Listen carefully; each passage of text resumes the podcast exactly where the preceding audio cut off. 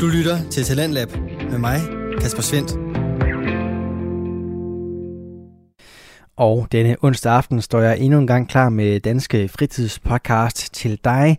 Jeg har i aften tre på menuen. Vi skal starte i 1999 med animationsfilmen Tarzan i tegnefilmsjørnet med Pernille og Kenneth Glad.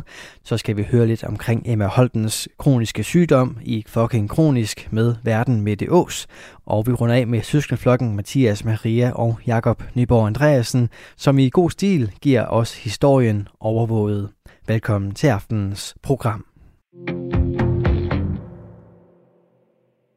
Og øh, som du nok kan fornemme, jamen, øh, så går vi altså ret bredt til værks her i aftenens program, hvor vi både skal omkring animationsfilm, kroniske sygdomme og øh, ungdommens poesi.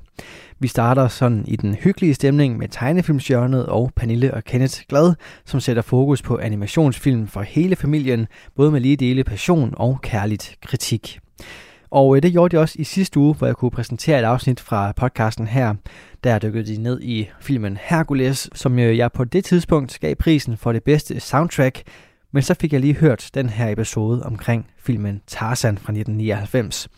Og øh, jeg må nok æde mine ord, for sangene fra Phil Collins og øh, på dansk Stig Rossen kan nok godt konkurrere med det her soundtrack fra Hercules. Det kan du høre meget mere om i aftenens første fritidspodcast. Den hedder Tegnefilmsjørnet og består af Pernille og Kenneth Glad. Hej Dags og velkommen til Disney hjørnet. med dine Værter Kenneth og... Pernillen. Og vi er kommet til Disney Klassiker nummer 37. Oj, oj, Oj, oj, oj. oj. øh, det var så min Tarzan-lyd. Ja, Ja. Ja. Så vi er kommet til Tarzan, kære lytter. lige præcis. Det, jeg synes, det var smukt. Og som altid vil jeg fortælle lidt om arbejdet på filmen. I 1994, da arbejdet på filmen om Fedtmullers søn var ved at være færdig, blev instruktøren af den Kevin Lima spurgt af studiets leder, øh, Jeffrey Katzenberg, om han kunne være interesseret i at instruere en tegnefilmsudgave af Tarzan. Lima var først lidt afvisende over for opgaven, da Katzenberg ville have filmen... Afvisende over for Tarzan. Jamen, det var fordi, at Katzenberg ville have filmen produceret hos et kanadisk studie, der sådan først og fremmest lavede tegnefilm til fjernsynsbrug. Og det var det er i orden så. Og Lima frygtede sådan lidt, at deres animatorer ikke ville være opgaven voksen. Hmm, okay. Men senere på året, der mistede Katzen, Katzenberg så sit job hos Ja, Disney. det ved vi jo godt. Det ved vi jo godt. Og Lima blev nu kontaktet af Disney CEO øh, Michael Eisner, der ville have Tarzan produceret hos Disney Feature Animation. Og nu sagde Kevin Lima så ja. Det, God lime. det var måske også sådan lidt en opgradering af forholdene. Ja, det må man nok sige. Og øh, Kevin Lima, han spurgte desuden sin kammerat Chris Buck, som var supervising animator på øh, Pocahontas, om øh, han ville være medinstruktør på filmen. Og det sagde Buck jo så selvfølgelig ja til. Det er altid noget med, at jeg spørger lige min ven. Ja. Øh, manuskriptforfatteren Tab Murphy, der var blevet færdig med sit arbejde på klokkeren fra Notre Dame, kunne godt lide temaet med mennesket over for naturen og begyndte at skrive et udkast til Tarzan i januar 95. Han foreslog i tredje akt, at Tarzan skulle rejse til England, ligesom han gør i Edgar Rice Burroughs bog. Ja, Tarzan er jo baseret på en bog. Jeps. Øh, men de to, de to instruktører følte ikke, at det passede ind i filmens tema om, hvad der definerer en familie, så for at kunne beholde Tarzan i junglen, blev skurkerollen omskrevet. Og i 97, der blev manuskriptforfatter ægtepar. Det er et meget langt ord. Hold da op et ord. Øh, Bob, Bob Zudiker og Noni White hyrede til hjælp med at tilføre filmen en øh, portion humor, der stadig kunne bevare filmens emotionelle kraft. Og komedieforfatteren David Reynolds blev også hyret, og han fortalte siden, at han egentlig kun blev hyret til at arbejde på filmen i seks uger, men at hans job først var færdigt halvandet år senere, så enten kunne de andre lide hans idéer, eller også var han virkelig dårlig til at strukturere sin tid. Det der time management, det gør jeg ikke så godt i. Nej, lige præcis. Skuespilleren Brandon Fraser, han var til audition på rollen som Tarzan, men han endte jo så i stedet med at få hovedrollen i Disneys spillefilm George of the Jungle, som George, George, George of the Jungle. det må man jo så sige, det er jo nok heller ikke øh, helt dumt. Og, Nej. og der går han det absolut også, også godt. Men øh, i stedet så blev Tarzans stemme leveret af Tony Goldwyn. Og ifølge Kevin Lima fik han rollen, fordi der var noget dyrisk over hans oplæsning. Og så kom han også med nogle fantastiske bavian-imitationer. Havde man nogensinde troet, man ville få job på det? Jeg vidste, at det kunne svare sig at, at spille min barndom med at, at lyde som næb. Men uh, Goldwyn var faktisk ikke i stand til at levere det traditionelle Tarzan-hyl, som så i stedet blev udført af Brian Blessed, der lagde stemme til filmens skurk Clayton. Mm-hmm. Så det er faktisk uh, Clayton, der, der uh, brøler igennem junglen. Jo, jo. Animatorerne blev delt i to hold, et i Paris og et i Burbank, og med 10.000 km afstand medførte det af til lidt problemer, især fordi Tarzan blev animeret i Paris, mens Jane blev animeret i Burbank, så der blev afholdt mange videokonferencer. Så Tarzan er lidt europæisk. Ja. Øh, Han er jo også fra England. Ja, ja. Men øh, for at gøre Tarzans bevægelser så nøjagtige som muligt, så studerede man forskellige dyr for så at overføre deres bevægelser til Tarzan. Og de henvendte sig også til en professor i anatomi, hvilket gør, at Tarzan er den første øh, tegnede Disney-figur med en rigtigt tegnet muskulatur. Jo, jo. Ja, ja, ja, ja. Men vi ved jo, de plejer jo også at, Ja, og kigge på at dyr. kigge på alt muligt. Jo. Lige præcis. Have deres egen lille petting zoo. Ja. Animatorerne gik endda til forelæsninger om gorillaer, besøgte zoologiske haver, studerede naturfilm, og nogle af dem overvejede sågar dissektionen af en gorilla og tog på en to ugers studietur til Kenya. De kommer altid på studietur. Ja, man skulle have været animator. På det musikalske område blev Phil Collins tilknyttet filmen allerede i 1995, og hurtigt besluttede instruktørerne sig for ikke at følge Disneys traditionelle musical-format. Kevin Lima sagde, at han ikke ønskede, at Tarzan skulle synge. Tak, Kevin Lima. Jeg kunne simpelthen ikke se for mig, at den her halvnøgne mand skulle sidde på en gren og bryde ud i sang. Det ville være for dumt. Tarzan sad på en knold og sang. Lige præcis. Nej, det jeg, ser jeg heller jeg, ikke tror, jeg tror faktisk, jeg er helt enig med Kevin Lima. Ja, det var godt, øh, godt set. Så i stedet skulle Phil Collins selv synge sangene i filmen, og på den måde fungere som en slags fortæller. Og Phil indspillede sangene på både engelsk, fransk, italiensk, tysk og spansk til disse landes stoppede versioner. Wow. Og endte med at vinde Oscar for bedste sang for You'll Be In My Heart. Men vi har Stig Rossen. Ja, så hvad skal vi med Phil? Hvad skal vi med Phil Collins? Hvad skal vi med Phil Collins? Collins, vi har Stig Rossen. Ej, jeg synes faktisk, mm. ja. uden, øh, uden ballade, jeg synes, Stig Rossen synger de der Disney-film eminent godt. Det gør han også. Det, han, er, han er simpelthen den danske Mr. Disney-song. Ja, det er han. Filmen havde forpremiere i El Capitan Theater i Hollywood 12. juni 99, hvor at, uh, den blev efterfulgt af en 40-minutters koncert med Phil Collins, der fremførte filmens sange. Ej, hvorfor var jeg der ikke? Ja, man skulle have været der. Og den officielle premiere var så den 18. juni. På verdensplan indtjente den 448 millioner dollars, og var en succes på et budget på 130 millioner dollars. Prøv, men, ja, man forstår slet ikke de tal der. Nej. Det, det er jo sindssyge tal. Anmelderne var overvejende positive, og selv de lidt mere lunkne anmeldelser måtte medgive, at det var i hvert fald var en flot film. Ja, det var det i hvert fald. Disneys Tarzan, det er faktisk den første animerede Tarzan-film, og Thomas Schumacher, den daværende præsident for Disney Feature Animation, blev meget forbløffet, da han fandt ud af, at Disney-udgaven var den første af sin slags, og udtalte, ej, her har vi en bog, der skriger om at blive lavet til tegnefilm, og så er vi alligevel de første. Ja, det er jo også lidt vildt, ikke? Ja. Nu er det blevet tid til Spoiler Alert. Beep, beep, beep. Vi siger tak til Spoiler-trucken. Ja, den kører spoilerne op. Lige præcis. Den er fyldt med spoilers, og øh, hvis du ikke har set Tarzan, så, så stop os og få sat skiven på, eller... De, de pauser fra nu af. Ja. You'll be in my heart, Cause you be my heart. for du er mit hjerteslag. Ja, ej, jeg kan, de sange kan jeg lige lige så godt på dansk. yeah. Hvis ikke mere nærmest. Nå, velkommen tilbage. Har de set Tarzan nu? Jeg tror, de har set Tarzan. Det er orden. Jeg synes, jeg kan høre en VHS-maskine, der spoler tilbage. Ja, så er jeg klar med referatet. Ja. Go, Pernille. Yes. Men øh, vi starter jo med, at øh, en familie må redde sig selv fra et uvær på havet. Og de redder sig ind på en ø, bygger en temmelig fin træhytte. De er to voksne og en baby. Det er imponerende, hvad de bygger. Ja. Men de to voksne, de bliver jo desværre dræbt af tigeren. Og imens alt det her sker, så mister gorillaflokken på øen jo også nogen til tigeren, og moren er ret utrøstelig.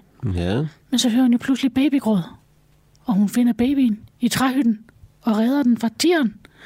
Og hun tager babyen til sig, og det bliver Tarzan. Ja, det, ja, okay, det er jo dine unge. Ja. Og øh, ja, de andre er ikke helt vilde med Tarzan, navnet. Men øh, han vokser jo så op som gorilla, selvom det er meget svært for ham at passe ind i flokken. Øh, men han vokser jo op og bliver til en voksen junglemand, har jeg valgt at kalde det. Og en dag, så kommer der mennesker til øen. Mennesker som Tarzan. Altså den her ø, som er det afrikanske kontinent. I, jeg har valgt en ø. Okay, det er selvfølgelig også en meget stor ø, men ja. Vi ved, vi ser jo aldrig noget inden. Og men uh, Clayton han står på et tidspunkt med et kort over Afrika. Ja, det er en ø, ikke også? Lige præcis. En stor Afrikaø. Afrikaø. Afrikanø. Ja, men øh, der kommer jo så mennesker til. Og det, han, jo, han har jo aldrig før set nogen som ham selv. Nej. Så det gør ham jo mega interesseret. Og så møder han jo en pige. Han møder jo Jane. Ja, Jane. Jane. Jane. Vi er Ja. jo danskere, ikke også? Ja. Tarzan og Jane. ja. Og hendes far og deres beskytter Clayton. Og øh, de er jo kommet for at studere gorillaerne. Dog er Clayton taget med med en hemmelig plan. Han vil jo fange gorillaerne og sælge dem til højstbydende. Han er lidt, han er lidt dum, men Han er nogen ind. Så der bliver jo kamp, øhm, hvor de skal reddes fra Clayton og hans kompagnoner. Mm. Så der bliver kamp, men Tarzan og hans venner vinder. Jane og hendes far bliver øh, på øen Afrika. og de lever lykkeligt til deres dages ende. ja, fedt. Det kunne næsten ikke være mere dansk at sige øen Afrika. Nej, lige præcis. Det er Afrika. Jeg ved godt, det er et kontinent. Er det ikke bare Afrika? Jamen Afrika, det har, det har man også bare i mange år talt om som et land. Ja, man tænker jo ikke over, at der er flere. Nej. Men øh, det er jo i øh, I nødskal. nødskal det. Ja. Vi har øh, valgt, der er to hovedpersoner, ikke? Ja. Der er selvfølgelig Mr. Tarzan. Mr. Jungle Man. Ja. Som, var, som jo, som du sagde, er menneskebarn, der vokser op hos gorillaerne. Og det skal jo lige siges, han er tegnet åndssvagt cute som baby. Store Disney-øjne. De kan næsten ikke blive større. Hele hans hoved er øjnene. Ja. Han er så cute. Men jeg synes bare i det hele taget, at Han er, han er tegnet, jamen, så vokser, den er han, tegnet så flot. ja, så vokser han jo op og bliver den her langhårede Adonis. Ja, ja. Altså, man skal ikke tænke på, at øh, han vokser op som nab, men han kan tale. Mm, det er jo så lige det, han, det, det ved jeg ikke, om der er nogensinde er noget, der er blevet forsket i, men han jo, han har jo aldrig hørt menneskesnak, så han, han har jo bare hørt, hvordan aberne taler, og så, så er det jo bare det, det, det sprog, han har fået ind. Ja. Det ved jeg ikke, men øh, han er han er i hvert fald the good guy, og han er jo, han er jo lidt uheldig. Ja, altså han prøver virkelig at passe ind i gorillaflokken. Men især Kerjak, som er lederen Ja. af gorillaflokken, har jo meget svært ved at acceptere ham. ja. Og det sker faktisk først rigtig sent henne i filmen. På hans dødsleje. Ja, at han siger, du er min søn. Ja. Og er- på et tidspunkt i filmen, der redder øh, Tarzan også Kerjak for leoparden. Mm-hmm. Og det er jo her, han finder hans lyd. Ja. Men der går virkelig lang tid før, at han er en del af flokken. Ja, det, jamen det gør der. Og, øh, og selvom at, at, Turk er, at Turk er hans ven, så, så, så, er, han, altså, er hun det jo heller ikke øh, sådan hele tiden. Ej, altså, hun er det jo ikke sådan rigtig vel. Hun er i realiteten mega led i starten. Ja, Så det er også et venskab, som, ja som, som vokser. vokser. Men øh, det er jo også fordi, at han ikke, han, han, han ikke helt pa- passer ind. Og han er, han er lidt uheldig, men han vil gøre, bare gøre alt for at passe ind, og han vil gøre alt for at være med i, i, i Turks vennegruppe. Jamen, han, han sætter jo sådan set liv på spil, det han springer ud til elefanterne for at tage et hår fra deres hale, fordi det er den eneste måde, han kan være med i gruppen på. Ja. Og det fortryder Turk jo sådan set også, da, da Tarzan pludselig sætter af ud over klippen. Ja, så, nej, hvad laver du? Ja, altså, Men hun havde troet, at men nu vil han bare gå hjem. ja, fordi det var for svært. Men han har simpelthen så stort et ønske i at passe ind, Ja. Der er også på et tidspunkt, hvor han siger til sin mor, jeg ligner jo slet ikke jer. Jamen, har du ikke også to hænder? Du har to øjne, du har ører, du har Næse. et hjerte, jeg har et hjerte. Ja. Men det kan godt være, at vi har det ens med aberne og med gorillerne. Men han mangler jo stadigvæk noget. Men øh, han kan jo godt se, at det ikke er det samme. Ja, men, øh, men det er jo hans mor. Ja, det... og det siger han også på et tidspunkt. Du vil ja. altid være min mor. Ja, præcis. Men øh, så har vi jo, udover Turk, så har vi jo også... Øh, Nej, men vi har jo en hovedperson mere, ikke? Har vi en hovedperson mere? Det har vi da også. Hun vi har Jane. valgt, at Jane, hun også er en hovedperson. Ja. Jeg har skrevet tre ord om, om en ja. ung, naiv og lærnem. Ja. Jamen, øh, det er nok egentlig meget rammende. Det, det er hun. Hun, øh, hun reddes jo af Tarzan. Det gør hun. Og er en lille smule skeptisk over for ham. Og Men vil du ikke også være skeptisk over en mand, der sprang i ja, og lianerne og ikke kunne dit sprog? Jeg har ta- kun, kun taler gorillasprog. Ja. Lidt. En lille smule. Men Jane og hendes far, som er forskeren Archimedes, ja. øh, de viser jo Tarzan en helt ny verden. Det gør de. Altså, de, de åbner jo hans horisont det må man sige. voldsomt. Det må man sige, altså. Det, og, og de er der jo altså af, af hvad det først og fremmest med gode intentioner. Altså, de vil jo studere aberne. Ja, altså, de er der jo for at forske i gorillaer. Altså, de er jo ikke kommet for at ødelægge noget for nogen. Nej. Men øh, det, det er der jo sådan anden der. Men ham kan vi tage fat i om lidt. Ja, han er et bad guy. Lige præcis. Men altså sidekick, der har vi jo, der er der jo to. Sådan, der er jo Turk, som vi har nævnt, ja. som er gorillavinden, og så er der jo Tanter. Ja, Tanter. Ele- tanter. Elefanten. Ja, og det, det er jo den her lidt halvbange neurotiske elefant. Der ikke er så glad for bakterier. Nej. Det ser lidt uhygiejnisk ud. Lige præcis. Det, og det er et eller andet sted bare sjovt, at den voksne tante, det er min Jensen. Men det er jo tante, der til sidst siger, nu tager ja. du dig sammen, Tøk. Ja. Nu redder vi vores ven Tarzan. Ja, han har, han har brug for os, så nu skal du bare pakke al din sårede stolthed ind. Ja, og så kaster de sig ud i havet og ud på båden for at redde dem. Ja, lige præcis. Så, så selvom det er en, der er bange og lidt skeptisk, så til sidst så er det en, der lige... Er vennen i nøden. Formodet til sig, ikke? Lige præcis. Og, øh... så, men forestil, dig, forestil jer vennepart, ikke? Tarzan, halv abe, halv mand, ikke? Så en øh, gorilla, tøk og en elefant. Ja. Tanter. Det er... Det er altså en fin trio. Det er en flot trækløver. og øh, jamen, det, det er bare, altså, de er bare gode, de her hvad hedder det, øh, sidekicks, der er med i den her film. Også, øh, hvad hedder det, øh, da Turk og de andre gorillaer opdager menneskenes lejr. Ja. Og begynder at spille jazzmusik på, ja. på, de, på de forskellige ting, der ting er. også smadrer og ødelægger i realiteten, ikke? Ja, lige præcis. Hvor at det på, øh, i den amerikanske, så er det jo øh, NSYNC, som synger og Babadoo Ja, lige præcis. Var det ikke Babadoo men er vi kommet til bad guy nu? Vi er kommet til bad guy. Vi har nævnt ham. Han hedder Clayton. Og det er jægeren. Han er med som beskytter. Ja, han er en skydegal og pengegrisk kolonial, koloni, kolonialist, skråstrej imperialist, har jeg skrevet. Bum, bum, bum, bum, bum. Du har store ord fremme. Det har jeg. Altså, jo, han er hyret som beskytter, men han er selv ude efter gorillaer, men jeg kunne alligevel ikke lade være med at sidde og tænke på, at jamen, den her film foregår jo en gang omkring år 1900, 1910 eller sådan noget. Jeg ved ikke, hvor meget bad guy der i virkeligheden er over ham, sådan, hvis man skal se ham i datidens lys. Altså, hvis han var kommet hjem med nogle fangede gorillaer, så var han blevet behandlet som en held.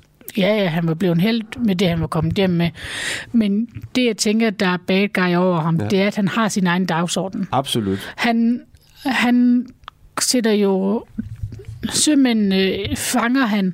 Ja. Han har sin egen, det er nærmest som bandeagtigt, ja, sin, ikke? sin lille guerilla her næsten. Altså, så det er det, der gør ham til en bad guy. Ja, ja, absolut. Altså, det, det er jeg heller ikke uenig i. Øh, men han, han vil jo bare have penge. Altså. Ja, han er der kun for pengenes skyld. Og han er egentlig ligeglad med naturen, om han forstyrrer dyrene. Ja. Eller hvad delen der sker. Han skal bare have de dyr. Ja. Og han skal have de penge. Og så er han sådan lidt ligeglad. Jamen lige præcis, og det, det ser man jo også, at hvad hedder det, i takt med, at Tarzan begynder at lære at snakke med Jane. Og Det lærer han exceptionelt hurtigt. Jamen, han er, han er lige så lærer som Jane. Han er et vidunderbarn. Men der, øh, hvad hedder det, kan Clayton ikke rigtig... Øh, ja, der har han ikke tålmodighed til det, at så nu, så nu skal du bare fortælle os, hvor, hvor de aber, de er henne. Ja, altså det han beder jo om, det er jo, at han skal forråde sin familie. Mm-hmm. Og det er Tarzan jo ikke vild med at skulle Nej. gøre. Det er ikke rigtigt. Og gør det jo faktisk kun, da, da udsigten til, at Jane vil rejse væk, Ja, den øh, og, øh, kommer. og Jane og hendes far, de spørger jo også, om han ikke vil med tilbage til England. Ja. Men hvor han siger, fordi at der er Kerjak død, Mm. øhm, så han er lederen af flokken. ja. Så han siger jo, nej, jeg skal, jeg skal blive ved min familie. Ja, og så bliver de også. Og så først så, så ser man jo scenen, hvor at, øh, Jane og hendes far er på vej ud til, øhm, til den store båd, hvor hun så siger, ej, jeg bliver nødt til at blive her, og hun hopper af og svømmer ind. Eller, det er hendes far, der Ja. ja. siger til hende, men ja. Bliv, bliv nu ved din kærlighed. Og så siger han, hvad delen skal jeg tilbage for? ja. Ja, jeg kan da også bo her. Så her kaptajn, du skal bare sige, at du ikke kunne finde os. Hej hej. Ja, og så hopper han også i. og så går vi ud fra, at de lever lykkeligt til deres dages ende. Ja, vi har taget sådan to stående på hylden, så det kan være, at det, det eventyret fortsætter. Det ved jeg ikke, det, får, om det, om det er, mens han er lille. Det finder vi Det må være den dag, hvor vi tager fat i torne. Det må det være. Det må det være. den tid, den glæde. Ja. Yeah. Men jeg tænker, at vi er ved at være kommet dertil, hvor vi skal snakke om, hvad vi giver den, eller har du noget, du brænder med at komme af med? Øh, nej, ikke sådan, ikke sådan, øh, ikke sådan meget, altså, men jeg kan godt lide, at hvad hedder, det, den har det her antiracistiske budskab, altså hvor at moren siger til ham sådan, at vi, vi er jo bare helt ens. Ja, vi har to hænder og øjne. Og... Og det var en ting, jeg også, hvad hedder, det læste jeg af en eller anden grund ikke lige fik med i mine ting om filmen, men at det foregår jo i Afrika, men du ser jo aldrig nogensinde en sort person i den her film. Øh, og der læste jeg, at det, var simpelthen, det valgte de simpelthen at, at udelukke, for, fordi at der var mange hvad hedder det, racistiske kommentarer fra de hvide mennesker, øjensynligt i øh, den originale bog.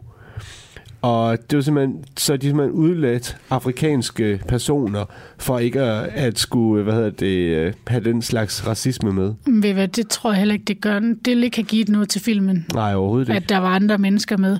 Fordi det er jo det, jeg synes, der er fedt, og der er særligt, når han oplever og ser Ja, mennesker som ham selv, ikke? lige præcis, hvor at, hvis han havde mødt en sort person, så havde han jo mere, mere kunnet se, at okay, det er ikke helt min, min mor.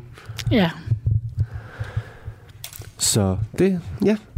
Men altså, jeg har givet den fire. Anders Sand. Huer. huer. Ja, jeg er lidt mere oppe at ringe. Jeg giver den 6. Ja, Jeg synes, Tarzan er helt eminent. Og så med de store, dejlige Disney-ballader. af Phil Collins. Ja, jeg kan, jeg kan dem så bedst med Stig Rossen. Ja. Men øh, jeg synes bare, det er en så god film. Ja. Og Ja. jeg er vild med Tantor. Jamen, Tantor er også en af de bedste figurer i filmen. Er du sikker på, at det er helt hygiejn? Ja, det var genialt. Men øh, hvor mange Tarzan-hyl giver du den? Ja, hvor mange neurotiske elefanter synes du, den skal have? Hvor mange tøkker? Men øh, ja, hvad synes du om Tarzan? Er du øh, vild med den, som vi er? ja, eller, eller knap så vild med den, som, som jeg er, hvor jeg synes, den er, den er, den er fin, men, Ja, men ikke mere. som jeg siger, lige så vild med den, som vi er. Lige præcis. Ja. Vi lyttes ved om et par uger. Ja, og husk øh, at dele rigtig gerne podcasten med en Disney, Disney-ven, ikke? Ja. Eller måske nogen, du bare tror kunne være en Disney-ven. Ja, Og øh, så hygger vi jo på, altid på Facebook med, ja. med Disney Facts og alle mulige Og alt muligt andet hyggeligt. Lige præcis. Så kom og hyg med. Ja. Og anmeld os, hvad hedder det, med nogle, giv os nogle stjerner eller hjerter eller noget, hvor du lytter til dine podcasts. Det gør så stor en forskel, og vi bliver så glade hver gang. Lige præcis. Men var det det for den her gang? Det synes jeg. Så lyttes vi ved. Hej. Hej. Du lytter til Radio 4. Her var det Pernille og Kenneth Glad, som i tegnefilmsjørnet fik øh, set og vurderet Tarzan fra 1999, en øh, Disney-film, som, øh, som nok er i, i hvert fald top 3 for bedste soundtracks, så har jeg heller ikke sagt for meget. Du kan finde mange flere episoder med Pernille og Kenneth Glad, der nørder løs inde på din foretrukne podcast tjeneste. Og derinde, der kan du også finde aftenens næste fritidspodcast. Den hedder Fucking Kronisk og har verden Mette Ås Jacobsen. Hun er journaliststuderende ved Danmarks Medie- og Journalisthøjskole, og så laver hun altså den her podcast i sin fritid. En øh, podcast, som netop har nået sin sæson nummer 3. I fucking kronisk, der sætter Mette fokus på unge mennesker med særlige udfordringer, og øh, deraf nogle erfaringer og tanker, som øh, vi andre måske ellers ikke støder på. Det er unge med kroniske sygdomme, som deler ud af deres livs tanker, og det giver altså en øh, ret stor portion inspiration, information og også en smule underholdning til tider, for øh, selvom det er nogle alvorlige emner, så er humøret oftest ret højt, når Mette hun øh, giver os et afsnit. Det er også gældende i aften, hvor Mette Aas har besøg af debattør og foredragsholder Emma Holten, som altså også er kroniker, og Emma Holten fortæller her omkring, hvordan hun opdagede, at hun var kronisk syg, og hvordan det har påvirket hendes forhold til kroppen. Hør med her til aftenens fritidspodcast nummer 2. Mit navn er Mette, jeg er 25 år og lever med en kronisk leversygdom. I denne podcast-serie inviterer jeg andre kronisk syge unge ind, så de kan fortælle deres historie om at være ung og fucking kronisk. Endelig kan vi tage hul på sæson 3, og min første gæst er intet mindre end Emma Holten. Emma lider af den kroniske tarmsygdom colitis. Hun gik med sygdommen i hele to år uden at vide det, og da hun endelig fik diagnosen, forstod hun slet ikke, at hun var syg. I dagens episode fortæller Emma om, hvordan det gik op for hende, at hun var alvorligt syg og forholdet til hendes krop. Tag rigtig godt imod Emma.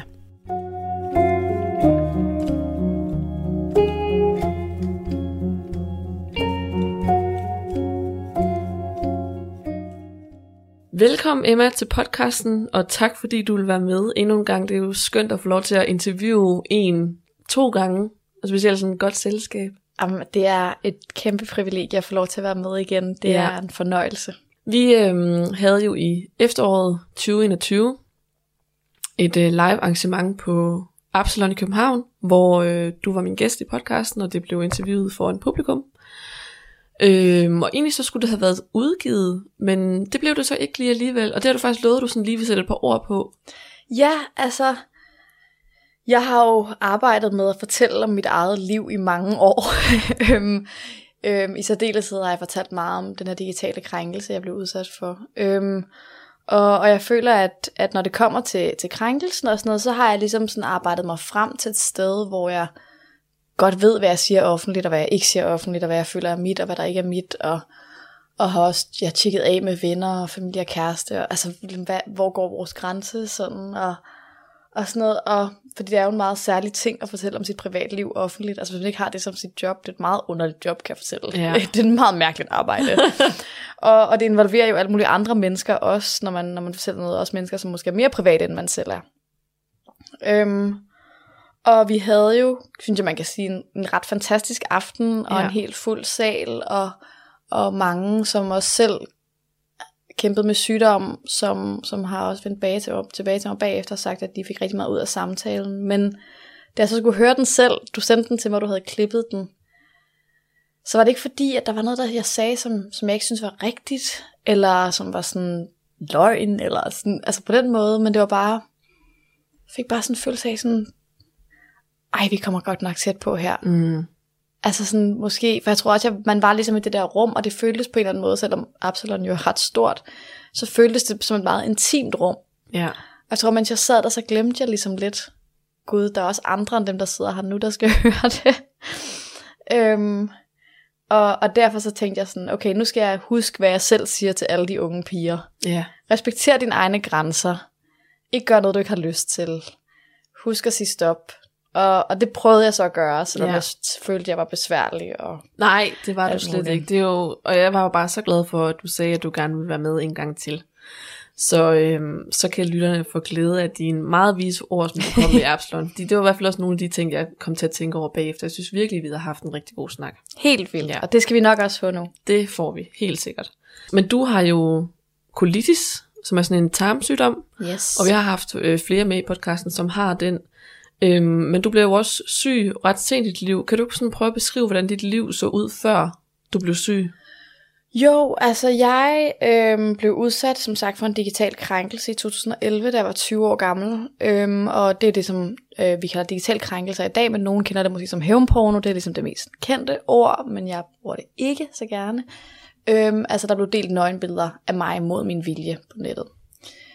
Øhm, og det affødte ligesom i mig en, en kæmpe interesse over nogle år for, for feminisme og for social uretfærdighed og for kvinders rettigheder og undertrykte menneskers rettigheder og måske hvad for nogle normer vi har i samfundet og hvordan man er rigtig og hvordan man er forkert og alle sådan nogle ting og hvem der har magten i samfundet og alt sådan noget som, som jeg har tænkt rigtig meget over fordi det skete for mig. Øhm, og det havde også den utrolig sådan utilsigtet vilde konsekvens, at, at jeg blev en offentlig person. Øhm, fordi jeg lavede et projekt om det, der var sket for mig, der hed Samtykke. Og Samtykke resulterede ligesom i, at jeg gav interviews og var i fjernsynet, og der blev lavet en dokumentar om mig, og jeg levede af at holde foredrag. Øhm, og det gjorde jeg fra ja, 2014 til 2018. Og omkring 2017 øhm, har jeg haft et meget, meget intenst arbejdsliv. Øhm, først har jeg været igennem den her forfærdelige krænkelse i hele de første tre år af mine 20'ere, og så øh, da, jeg, da jeg lige er fyldt 24, så laver jeg lidt det her aktivistiske projekt, og så er der tre år, hvor jeg bare sådan kører derud af med at arbejde med, med noget, jeg synes er, er skide vigtigt, og, og alt sådan noget, men, men Ja, det ved du. Det, det er også hårdt at, ja. at arbejde med det værste, der er sket for en. Ja, lige præcis. og det, man, er, er det, man, man brænder så meget for det mm. på, så, på sådan nær en måde, at det ligesom, hver gang man står foran et gymnasie eller en højskole, så krænger man bare sit hjerte ud. Og, sin, og jeg, jeg er skide stolt af det arbejde, men det var virkelig, virkelig hårdt.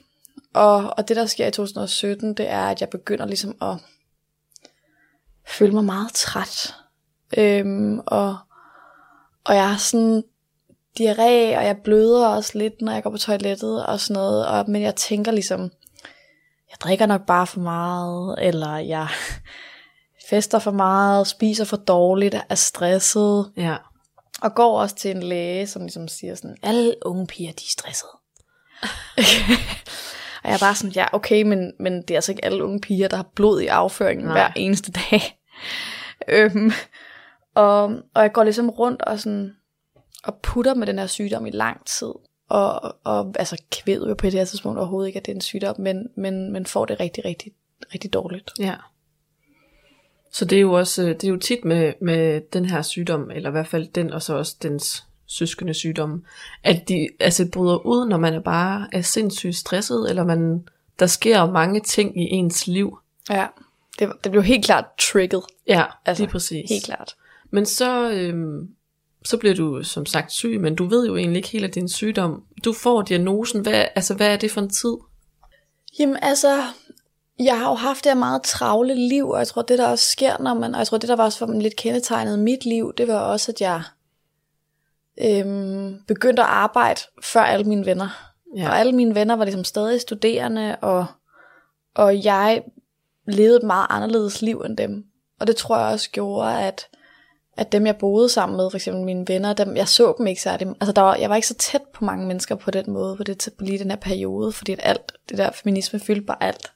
Men så sker der så det fantastiske, øhm, og jeg har selvfølgelig også set nogle mænd og sådan noget i den her periode, men så møder jeg ligesom manden for mig. øhm, og, og det gør jeg ja, i starten af, af 2016. Og i starten 2016, og vi er på sommerferie sammen et halvt år efter vi har mødt hinanden, er vi ude at rejse sammen. Og vi er på en fin restaurant og sådan noget, så kommer jeg ligesom, så har jeg været ude på toilettet, og så kommer jeg tilbage, og så kigger han på mig og sådan, du ser helt mærkelig ud i hovedet. Og jeg var sådan, det er selvfølgelig fordi, at jeg har blødt helt vildt, og er nervøs for, gud, kom, nu skal vi på by. Altså det ved alle, der har krons eller colitis, at sådan storbyferie ikke altid det sjoveste. Nej. At gå rundt i syv timer og ikke vide, hvornår det næste toilet er. Ja. Så jeg er ligesom bare sådan, åh, oh, nu føler jeg lidt, at jeg bløder en masse, og det er måske en dårlig periode. Fordi det, det havde jeg bare godt klar over, at der var ligesom nogle perioder, der blev bedre end andre. Ja. Og det er ligesom første gang, der er nogen, der har sagt det til mig på den måde. Og jeg siger dem, det er ikke noget. Og sådan noget. Det er jo ikke ligefrem den samtale, man har allermest lyst til Nej. at have, når man er meget nyforelsket, og kommer ind til den her smukke mand, som man bare synes er fantastisk, som bare sådan romantisk middag. Man har ikke lyst til at sige, jeg har blod i min diarré, sådan, jeg ved ikke rigtig, hvad fanden der sker, eller sådan. øhm, Men hvor lang tid har du haft, øh, altså du har jo ikke, har du, du har ikke fået diagnosen på det tidspunkt? Nej? Nej. det har ikke. Hvor lang tid har, har du haft symptomerne? altså, to år. To år? Ja, to år, halvandet, to år. Og har jeg ligesom, ja, on off haft, Ja, haft det ja. meget mærkeligt i maven. Og, men det er utroligt, det tror jeg også mange andre syge kunne relatere til. Man kan vende sig til meget. Ja. Altså man kan lyve for sig selv i en Mhm. grad, som er meget ekstrem. Ja. Øhm, og man kan ligesom sådan, så har man ligesom en dag, hvor der ikke er noget. Og så er man bare Ja. sådan, jeg er normal, Ja, ja, lige præcis. der er ikke ja. noget problem. og så er der en dag, så er man sådan, nå, det er lidt en dårlig dag. Altså sådan, Ja. at man, man tænker jo ikke, jeg er kronisk syg. Man tænker jo, prøv at høre, jeg 25 år, jeg er 24 år gammel. Ja, men det, ja, det er 24 år man tænker. Nej. Nej. Jeg er Det- bare sådan, at jeg er stresset. Jamen lige præcis. Jeg har det også sådan, hvis jeg mærker noget nyt, eller hvad skal man sige, så nogle gange så kunne jeg godt tænke, at jeg burde bare ringe til min afdeling med det samme, men på den anden side, så har jeg det også bare nogle gange sådan, okay, jeg tager det lige an. Det Fordi det. det tror jeg også bare, man har lært som kronisk syg, sådan, man er også nødt til at sådan lige se det an. Altså, er det noget, er det ikke noget? Og så er det nogle gange, så ser man det an lidt for længe. Ja, præcis. og så når det ligesom, og så hvis det ikke var et problem, da det startede, så bliver det i hvert fald et problem. ja ikke? lige præcis. Og, og så, sådan, så sidder vi ligesom der på restauranten, og han er bare sådan, prøv Emma, du ser helt mærkelig ud, du er simpelthen nødt til at fortælle mig, hvad det her handler. Altså, er der, har du fået en eller anden sms, er der sket et eller andet? Og så begynder Ja. ja. jeg at sige sådan, okay, nej, du skal ikke tro, det er et eller andet værre, end det er. Og så siger jeg bare til ham sådan, at sådan, jamen altså, de sidste et to år, der har jeg virkelig sådan, altså sådan haft diarré og, og, og blødt, når jeg er på toilettet. Og han kigger bare på mig og er sådan, er du skingrende sindssyg? Hvorfor sidder du her? Hvorfor er du ikke hos en læge? Ja. Og jeg, var, og jeg siger ligesom, ja, som jeg siger til dig, at jeg er stresset, og det har også været hårdt, og der er sket alt muligt. Og ham der lægen sagde, at alle piger er stresset og sådan Ja. noget. Han er bare sådan, Emma, hvad nu hvis du har sådan cancer i tarmen? Og det er jo bare sådan, altså det er ikke faldet mig ind. Nej. Altså det er virkelig altså, og det kan lyde, altså, jeg ved ikke, at det lyder skørt, når man hører det, men sådan, Men nogle gange, så Ja. tror jeg også bare sådan, det er også nogle gange det her sådan, på den ene side som kroniker, så lærer man også sådan det der med, man kender ens egen krop bedst. mm, Men inden det, altså nu har jeg jo altid været syg, men jeg har i hvert fald også bare hørt mange sige det der med, im, lægen sagde, ja, altså så, så regner man med, altså han, han ved det bedst. Jeg ved, ja, ja, han sagde, det var stress, og jeg tænkte, han spurgte mig, om jeg havde et stresset liv, så jeg var sådan, ja, det kan man godt sige, jeg har. ja. Og så var det sådan, okay, fint nok. Og så tænkte jeg, så tror jeg faktisk næsten, at jeg tænkte, sådan her kommer det måske til at være resten af mit liv. ja. Hvordan havde du med det? Jeg tænkte, at jeg var i hvert fald færdig med at tage på Roskilde. Men ja, som du siger, altså man kan jo vende sig til meget. ja, altså, det, det er ufatteligt, hvad man kan begynde at synes er normalt. Ja, Altså, Jamen, det er hvad, rigtigt. hvad hjernen kan begynde at, at ligesom sådan være ligesom sådan, nå ja, men sådan, selvfølgelig, det er ligesom en del af livet. Og så kigger han bare på mig sådan, et, den dag vi kommer hjem, der sidder jeg og kigger på dig, mens du ringer til din læge. ja. Og det gjorde jeg så. Øhm, og, og efter det, Hvordan var det, han, hvordan var, altså, nu tænker jeg på, hans reaktion var på den måde, der han var meget insisterende. Hvordan var det, at han reagerede på den måde? Altså jeg tror, nu synes jeg, det er sødt og kærlighedsfuldt og sådan noget. Men jeg tror, dengang, der blev jeg bange. Ja, Fordi at han, det var meget tydeligt, at han, at han tænkte ligesom nogle helt andre baner, end jeg selv tænkte. Og han kiggede ligesom på mig, som om jeg måske var ved at dø. ja, Og det var ligesom slet ikke faldet mig ind, at det kunne være så farligt. Og, men han har jo ret. Altså, det kunne have været også meget værre, end det var. Ikke? ja, Øh, det kunne have været alt muligt forfærdeligt, ikke? Og, og jeg tror lige sådan, da han sagde det, der, der blev jeg skræmt fra videre sans. Altså jeg var sådan, gud, sidder jeg her og, og er mega syg, og forstår det ikke engang selv. Så sådan, der er jo selvfølgelig en masse omsorg i den handling fra hans side, og det kan jeg jo godt se nu. Men lige da han reagerede sådan, der tror jeg, at min første reaktion var, prøv at høre, det er min krop. Du, du er ikke dig, der oplever det, og jeg får det også til at lyde meget værre, end det egentlig er. Det gør jeg ikke. nej, nej. øhm, og, og jeg sådan, jeg ville ligesom tale det ned, ja, øhm, fordi at, sådan, at komme til den erkendelse var bare, at erkende, at sådan, det er ret alvorligt, og har gjort Mm. det i så lang tid. det, det kunne jeg ligesom ikke erkende. Øhm, I hvert fald ikke lige der. Og så jeg tror jeg, jeg følte sådan, som man gør, når man er bange, at den anden person overdriver, og de skal slappe af. Og Ja. som er den reaktion, man har, når man får noget at vide, man ikke har lyst til at Ja. høre, ikke? Holder det lidt på afstand. Ja. ja. Du lytter til Talentlab med mig, Kasper Svendt. Og du er ganske rigtig skruet ind på programmet Talent Lab her på Radio 4, hvor jeg, Kasper Svendt, i aften kan præsentere dig for tre afsnit fra Danske Fritidspodcast. Her som nummer to er det fra Fucking Kronisk med Mette Aas Jacobsen som vores vært. Hun taler i aftens episode med debattør og foredragsholder Emma Holten. Det afsnit vender vi tilbage til her, hvor Emma Holten fortæller videre fra den rejse, hvor hun for alvor fandt ud af, at øh, alt nok ikke var, som det skulle være med hendes krop.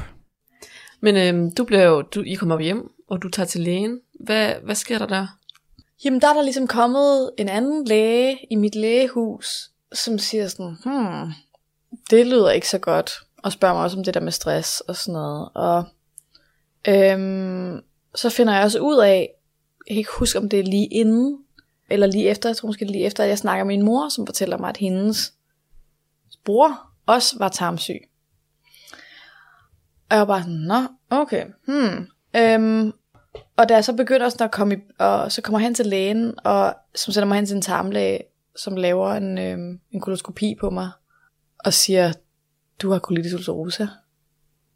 Øhm, de tager slet nogle prøver op i tarmen, og de kommer tilbage, og det er bare sådan, du har en kronisk infektion, eller inflammationstilstand i tarmen, og det har du haft i lang tid. Ja. Hvordan var det at få den besked? Jeg forstod det slet ikke. Altså, jeg tror, jeg blev ligesom ved med at gøre de ting, jeg altid havde gjort. Jeg kan, altså, jeg kan huske en gang måske, at kan det være et halvt år siden, jeg havde fået diagnosen eller sådan noget. Der er jeg, min sygdom er i udbrud, og jeg tager ligesom øh, væske, altså sådan øh, væske øh, analt, og så og så sådan tager jeg på ferie i LA med en af mine veninder, og så ringer jeg sådan til en læge og siger sådan, om der er et eller andet galt med min medicin, eller jeg føler ikke, det virker så godt. Og sådan. så er han bare sådan, okay, men kom her ind nu. Og jeg bare sådan, men jeg er i LA. og så er han bare sådan, er du i LA, mens der er udbrud i din sygdom? Og jeg var sådan, det var bare ikke faldet mig ind, at, at jeg var så syg, at Nej. det kunne være så akut. Altså jeg tror, det, jeg tror, jeg, jeg ved ikke, om jeg bare var meget langsom, meget i benægtelse. Ja. Men, men det tog mig meget, og jeg tror måske også, det er fordi, at sådan, jeg har en sygdom, som man godt kan have i lang tid, uden at dø. Altså sådan, man bliver jo bare pisse træt, og har svært ved at optage næring, men man kan jo godt fungere. Altså jeg tror for eksempel i et land som USA, hvor at sundhed koster en masse, er der masser af mennesker, der render rundt med colitis ulcerosa uden at vide det, ikke? Ja. Det kan du godt, uden du bliver undersøgt. Øhm, så jeg tror ligesom, at sådan, det gjorde bare sådan, at, at det tog mig meget lang tid at forstå, at sådan, den her sygdom er faktisk rigtig farlig. Altså, hvis ikke jeg passer på, Ja. Øhm, og der kan komme varige skader. Hvis ikke jeg bliver behandlet, så kan det være endnu sværere at slå det ned, og, og alt sådan noget. Øhm, og der havde jeg heller ikke haft min første sådan hårde prednisolonkur og sådan noget, fordi i første omgang, der kunne min udbrud slås ned lokalt. Det kan de ikke i dag, men det kunne de dengang. Og så jeg tror, at det gjorde også, at jeg følte, at det var ligesom, det var lokalt. Altså jeg følte ikke, det havde noget med resten af min krop at gøre. Nej. Og det tror jeg gjorde, at jeg sådan, at det, jeg tror, det tog mig et år og halvandet. Jeg tror faktisk først, det var, da jeg kom på prednisolon, at jeg forstod sådan, gud, hvis de vil give mig det her Ja. monstermedicin. Ja, det er jo, og det har vi jo snakket, og jeg i hvert fald fortalt mange, om, mange gange i podcasten, at det er virkelig noget kræftstads. Ja, det må man sige. øh, som Jeg er, bare- mere, altså jeg, jeg er mere bange for prednisolon, end jeg er for colitis ulcerosa, nærmest. Ja, um, det er ikke så længe siden, jeg var til kontrol, hvor jeg... Øh, jeg har været af prednisolon heldigvis i et stykke tid, et lang, langt stykke tid faktisk. Når du har været før på permanent dosis, altså hvor du tog hver dag. Ja, ja, ja. Og der, og der, jeg glædede mig simpelthen sådan til den dag, han sagde sådan, ej, nu kan vi godt uh, trappe ud af prednisolon. Og så da jeg fik lov til det, så var jeg bare sådan, yes. Øh, men så ville de prøve at trappe mig ned i noget andet medicin, og så var jeg sådan, betyder det, at jeg skal tilbage på prednisolon? Og så sagde han sådan, nej, men nu ser vi lige. Så sagde jeg sådan, altså hvis det betyder, at der er nogen chance for, at jeg nogensinde skal tilbage på det, så gider jeg ikke trappe ud af det Nej, nej. øh, af det andet der. Og så var han sådan, nej, men det, det må vi lige finde ud af. Så sagde jeg bare, jeg var sådan virkelig sådan, jeg skal bare ikke tilbage på prednisolon, så, så kan I gøre, hvad I vil. Jeg skal bare ikke tilbage på prednisolon. Nej. Så, og det er bare noget mega krasdags. Det er jo sådan noget, der bare, øh, hvad skal man sige, nedbryder ens... Øh, Helt ens immunsystem. Ja. Altså det er bare sådan, det er sådan en plæneklipper hen Ja. over hele dit immunsystem. ja. Og altså det er ret sjovt, du siger, at din læge siger det der, fordi nogle gange, så tror, har jeg det som om, at læger ikke forstår, hvor Ja. alvorligt prednisolon er, Ja. hvis de aldrig selv har været på det. For jeg kan huske, at første gang, jeg fik udskrevet prednisolon, der havde jeg ligesom, jeg, havde, jeg var i udbrud, jeg havde prøvet ligesom mesasal, som er det, jeg får øhm, lokalt. Det havde ikke virket. Jeg havde prøvet sårhelende oralt. Det havde ikke virket. Og så var han bare sådan et, okay, nu er vi nødt til at putte dig på prednisolon. Jeg har aldrig hørt det ord før i mit liv. Og var bare sådan, nå okay, fint. Altså sådan, jeg anede ikke noget. Og så pludselig, så sådan, måske to uger efter, jeg er begyndt på det der medicin, så vågner jeg bare sådan op med sådan et kæmpe hoved. Ja. Altså med sådan et kæmpe ja. hoved. Moonface. Moonface, ikke? Og jeg ringer, og jeg tror jo faktisk, jeg tror jo, at jeg har haft en meget allergisk reaktion på den her medicin. Mm. Altså jeg tror, der er gået noget fuldstændig galt. Så jeg ringer bare sådan til min læge, og sådan, ja, den her medicin, den er ved at ja, det er helt vanvittigt med den her medicin. Altså jeg vågner tidligere om morgenen, og nu er mit hoved er også kæmpe stort, og jeg er fuldstændig op og køre, og jeg kan ikke sove om natten, og Ja. han er bare sådan, ja ja, det er bare potato face. Nej, tomato face, kaldte Ja, han det. ja. Jeg var sådan, tomato face? Hvad fanden snakker du om? og så er han bare sådan, jamen det sker for rigtig mange, der er på prednisolon og sådan noget. Det betyder, at medicinen virker. Og jeg var sådan, hvor jeg er det værre nu. Ja. end jeg Ja. Ja. Jeg vil hellere have diarré, end at være på den her medicin. Ja. Så sådan, altså, og der var jeg også bare lidt sådan, okay, jeg kan godt forstå, hvorfor man som læge, selvfølgelig skal du ikke sidde og sige til mig, du kommer til at ligne en ballon, du kommer ikke til at kunne sove, du kommer, altså, du kommer til at få det, jeg havde, fik også enormt meget angst, Ja. øhm, og, og altså, har også kæmpet med psykiske problemer før, på grund af alt det, der er sket med billederne og sådan noget, men har haft, haft lidt kontrol over det, men derfor jeg fik det virkelig, virkelig dårligt. Psykisk. Og jeg forstår selvfølgelig godt, at han kan ikke sidde og give sådan en lang indkøbsliste over alt det lort, der kommer til at ske, for så opdager, føler jeg det jo bare endnu mere. ja. Men jeg synes godt, at han kunne fortalt mig En, en lille en lille heads up. smule om, at sådan, det her, det er en tof medicin. Du er i udbrud, og vi er nødt til at få det slået ned. Ja. Og derfor så giver jeg dig det her, og det kommer til at være ret hårdt, og du skal ikke blive bange og sådan noget. Fordi jeg blev mega bange. Altså jeg troede, der var, altså det er meget, hvis man ikke har prøvet det, det er meget svært at beskrive, hvad det vil sige, og sådan bare sådan ændre udseende Ja. fra den ene dag til den anden. Og jeg skulle lige at spørge, hvordan du havde det med, eller hvilket, ja, hvordan det føles det der med, at kroppen bare ændrer sig sådan fra den ene dag til den anden. Jeg tror, altså jeg tror, det her har der betydet super meget for, hvordan jeg ser på min krop, og hvis vi starter snakke specifikt om det der øh, om moonface, øhm, så sådan, jeg tænker, at mange måske vil tro, at, at det, man bliver ked af, det, om det er sådan, om du føler, du føler, du ser tyk ud, eller sådan mm. noget, men det er overhovedet ikke det. Altså, det er meget mere, at du ligner ikke dig selv. Ja. Altså, ja. øhm, og, og du kan ikke genkende dig selv, og du får sådan en anden farve i ansigtet, også gjorde jeg lidt, og sådan, altså min søde kæreste siger selvfølgelig, at han næsten ikke kunne se det, men løgner. øhm, fordi at sådan, der er noget, der er også noget, og jeg tror også, det var, jeg tror måske, det er derfor, jeg, jeg siger, at det først var, da jeg var på prednisolon, at jeg forstod, hvor syg jeg var. Fordi jeg tænkte, okay, hvis der er sådan noget så stærkt til at slå det ned, der er inde i min krop, Mm. Så må det betyde, at den, det, der prøver at gøre mig syg, også må være en meget, meget stærk kraft. Ja. Ja, for det var ligesom sådan, jeg Ja. så på det, ikke? og det var også måske en meget rigtig måde at se det på. Øhm, og, og det er utroligt, hvordan hjernen ligesom hænger sammen, om det er fordi, man er forfængelig og sådan noget, men jeg følte ligesom, at da jeg begyndte at ændre udseende på grund af min medicin, det var første gang, jeg virkelig forstod, at, at jeg var syg, fordi at jeg kunne se det. Mm. Altså det der er med en tarmsygdom, du kan jo ikke se det på mig, at jeg har colitis ulcerosa. Det er jo ligesom et usynligt handicap, eller hvad man Ja. kan kalde det, ikke? Øhm, og der var bare et eller andet, der så mig i spejlet, så var jeg bare sådan, gud, jeg er syg. Ja. Jeg er syg i min krop. Der er noget inde i min krop, som prøver at angribe mig. Og, og jeg ved, altså sådan, og det skal jeg nok have at gøre med resten af mit liv, at der er den her sådan vanvittige sådan kraft derinde, der prøver at ødelægge ting.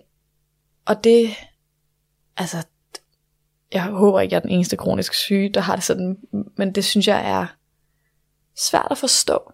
Mm. Altså man kan ikke forstå, hvorfor det ikke bare kan fjernes.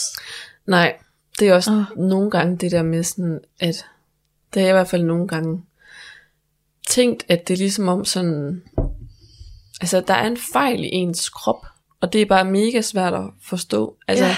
Ja, det ens krop, det er jo det, man bruger hver dag, og det er jo... Ja, man bruger den på så mange måder, både med hovedet og med, altså med kroppen, og man, jamen, man bruger det til alt. Og så er bare det der med, at der er en fejl. Altså, det er rigtig nok det, du siger, man har for svært ved at forstå det. Ja, også fordi det er sådan, for eksempel jeg arbejder jo meget med køn, og der elsker folk jo at snakke om, at sådan, ude på savannen, der var mænd sådan her, og kvinder sådan her, Ja. og sådan er vi stadig indeni, og sådan noget. Og jeg har det bare sådan, at prøv at høre, ude på savannen, der var jeg død. Ja, ja. Altså, så det er sådan, hvad med, at vi sådan ikke lever i den tid længere? At sådan, at der er sådan, man føler lidt, man lever mod oddsene. Ja. Altså, øhm, og det, og jeg tror også, det er derfor, at jeg måske sådan, at noget af det, der var meget forandret i mig, der jeg føler, eller som jeg har været, som jeg har begyndt at tænke anderledes over, både øh, at blive feminist, men også at blive syg, er det her med, at jeg føler virkelig, at vi lever i en kultur, hvor vi føler, at det, det der er naturligt, det er det, der er bedst. Ja. Og altså nu i, i dag hører man det jo i sådan meget antivaccine retorik og sådan noget, ikke? Øh, men det er jo også noget, der som sådan fødende oplever meget, ikke? At, at hvis du øh, fik øh, bedøvelse, når du skulle føde, så har det ikke været en rigtig naturlig fødsel, og alt sådan noget lort, ikke? øhm, og, og jeg tror på en måde, at jeg havde det i mig. Øhm, Ja. Fordi det er så en dominerende fortælling i vores samfund. Og, og når man bliver syg, og man som du og- jeg tager medicin hver dag for at være lidt normal, eller så Ja. normal som man nu kan blive, Ja. så, så ændrer det også, synes jeg, ens syn på sådan naturligt. Mm. Forstår du, hvad jeg mener? Ja. Og det tror jeg har været på en måde meget hårdt og svært, men også en god ting. At forstå, at sådan, der er mange måder at være i live i verden på. Ja. Øhm, og, og det at leve tættest på naturen, er ikke altid mere bedre, eller mere rigtigt, Nej. eller de mennesker, der kan det, er ikke mere værd. Øhm, der er ikke noget galt med at have en krop, der har brug for hjælp. Øhm, men, men det er en svær fortælling i vores kultur, synes jeg. Fordi alle mennesker, det har du sikkert også prøvet som syg, er jo så klar til at fortælle en, hvordan at man kan jo egentlig bare blive rask, hvis man bare lavede meget yoga. Ja, lavet meget yoga, eller mediteret en gang om ugen, eller hver Ja. dag, eller... Bare sådan, gud, jeg havde faktisk en veninde, der kom af med kraft. Jeg kun drikke juice i to år. Og sådan, ah, okay, ja, fint ja, nok. ja. Øhm, at, ja, og det tror jeg også har formet meget sådan, ja, mit syn på medicin og mit syn på sygdom i det hele taget. Mm. Hvordan har du det egentlig med, at, det er måske også lidt hårdt at sige, men hvordan har du det egentlig med, at du fylder din krop med, og nu kan man jo sige godsøjne, men egentlig godsøjne en unaturlig ting, som ikke burde være der. Ja, det, det har jeg udviklet et forhold til. Det har virkelig været noget, det jeg skulle vende mig til, da jeg begyndte at spise medicin hver dag. Og jeg tror på en måde, har jeg besluttet mig for, at det er jeg faktisk rigtig glad for. Jeg er rigtig glad for, at jeg kan drikke øl med mine venner, og jeg er glad for, at jeg kan spise den mad, jeg vil, uden at have diarré. Og jeg er taknemmelig for min medicin, og jeg synes, den gør et godt stykke arbejde, og nu er jeg på en medicin, som kun har nogle få bivirkninger, som er, at jeg går rundt med faktor 50 hver eneste dag, fordi jeg er immunhæmmet, og hver, hver sommer, så er det sådan en kæmpe solhat, Ja. og sådan noget. Så køber man bare en flot hat, og så er det bare sådan, det er, og sådan, øhm, men jeg har besluttet mig for at være taknemmelig for min medicin. Og jeg ved godt, at, at og, og selvfølgelig er der et eller andet sted en tanke om, at, at sådan, måske en dag skal jeg ikke være på medicin, og det kunne også være spændende at opleve, øh, om det, hvad det ville betyde for min krop. Men det er ikke et mål for mig at komme af med min medicin for sin egen skyld. Hvis jeg skulle af med medicin, så skulle det være, fordi jeg var, det ville, jeg ville blive helt rask. Ja. Altså jeg har også besluttet mig for, at der er jo for eksempel, der er jo masser med tarmsygdomme og med Crohn's, som, som gør en hel masse med deres diæt. Mm. Altså hvad de spiser. Ja. Det er en hel videnskab af Reddit-tråde og Facebook-grupper og Instagrams, og med folk, der ligesom siger, at jeg øh, har colitis, og jeg øh, er ikke på medicin, og jeg spiser ikke det her, det og det her, og jeg har smoothies, og alt Ja. muligt pulver, og al mulig respekt for det. Det er totalt færre valg, som vi alle sammen skal tage i møde med vores sygdom, men det er ikke det rigtige valg for mig. Radio 4 taler med Danmark. Og øh, vi vender selvfølgelig tilbage til aftenens episode fra Fucking Kronisk med vores vært Mette Aarhus Jacobsen og hendes gæst Emma Holten i næste time af Talent Lab, hvor du også øh, støder på et afsnit fra God Stil med Mathias, Maria og Jakob Nyborg Andreasen. Men først er det lige tid til en omgang nyheder her på kanalen, og øh, den får du selvfølgelig fra verdens bedste nyhedsoplæser.